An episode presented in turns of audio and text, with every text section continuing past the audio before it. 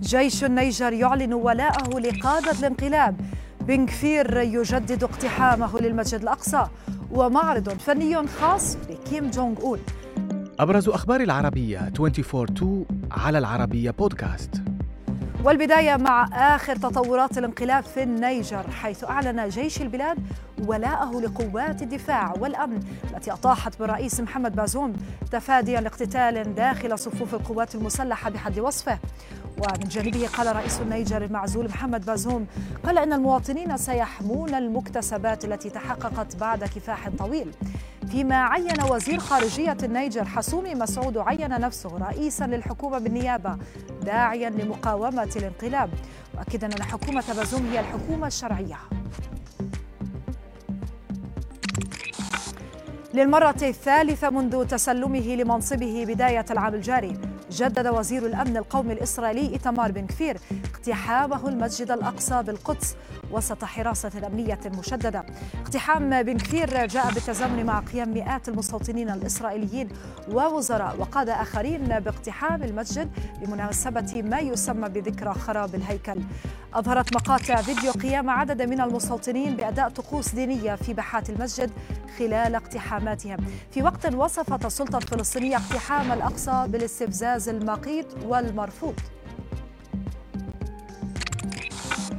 نذهب معكم إلى روسيا حيث تعهد الرئيس الروسي فلاديمير بوتين خلال قمة جمعته مع قادة أفارقة في سان بيترسبرغ بتوريد الحبوب مجانا إلى ست دول أفريقية.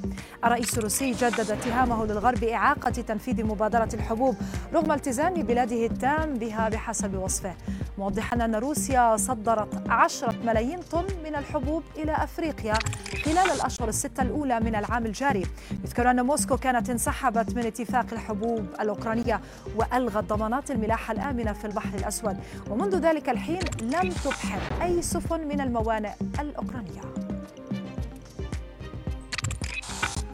في كوريا الشمالية أقيم معرض فني بالعاصمة بيونغ يانغ وعرض فيه عدد من اللوحات للزعيم كيم جونغ أون. بحسب صحيفة ذا تايمز البريطانية ظهر كيم في إحدى اللوحات أقل بدانة إلى حد ما مما هو عليه في الحياة الواقعية وهو يرتدي معطفا أسود مع طوق من الفرو ويمتطي حصانا أبيض.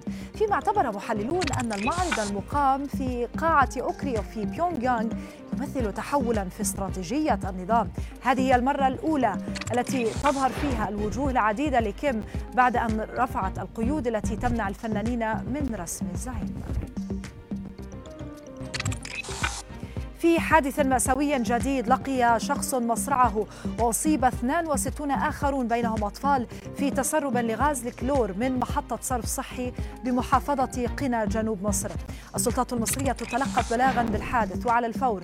انتقلت قوات الأمن وسيارات الإسعاف للموقع ليتبين أن تسربا حدث لغاز الكلور من إحدى أسطوانات شركة مياه الشرب والصرف الصحي بمدينة العمال. السلطات نجحت في السيطرة على التسريب ونقل الأسطوانة إلى خارج المدينة وأمرت بإحالة المتسببين في الواقعة للنيابة العامة وكشف ملابسات التسريب وحتى التحقق من إجراءات السلامة لعدم تكرار مثل هذه الحوادث.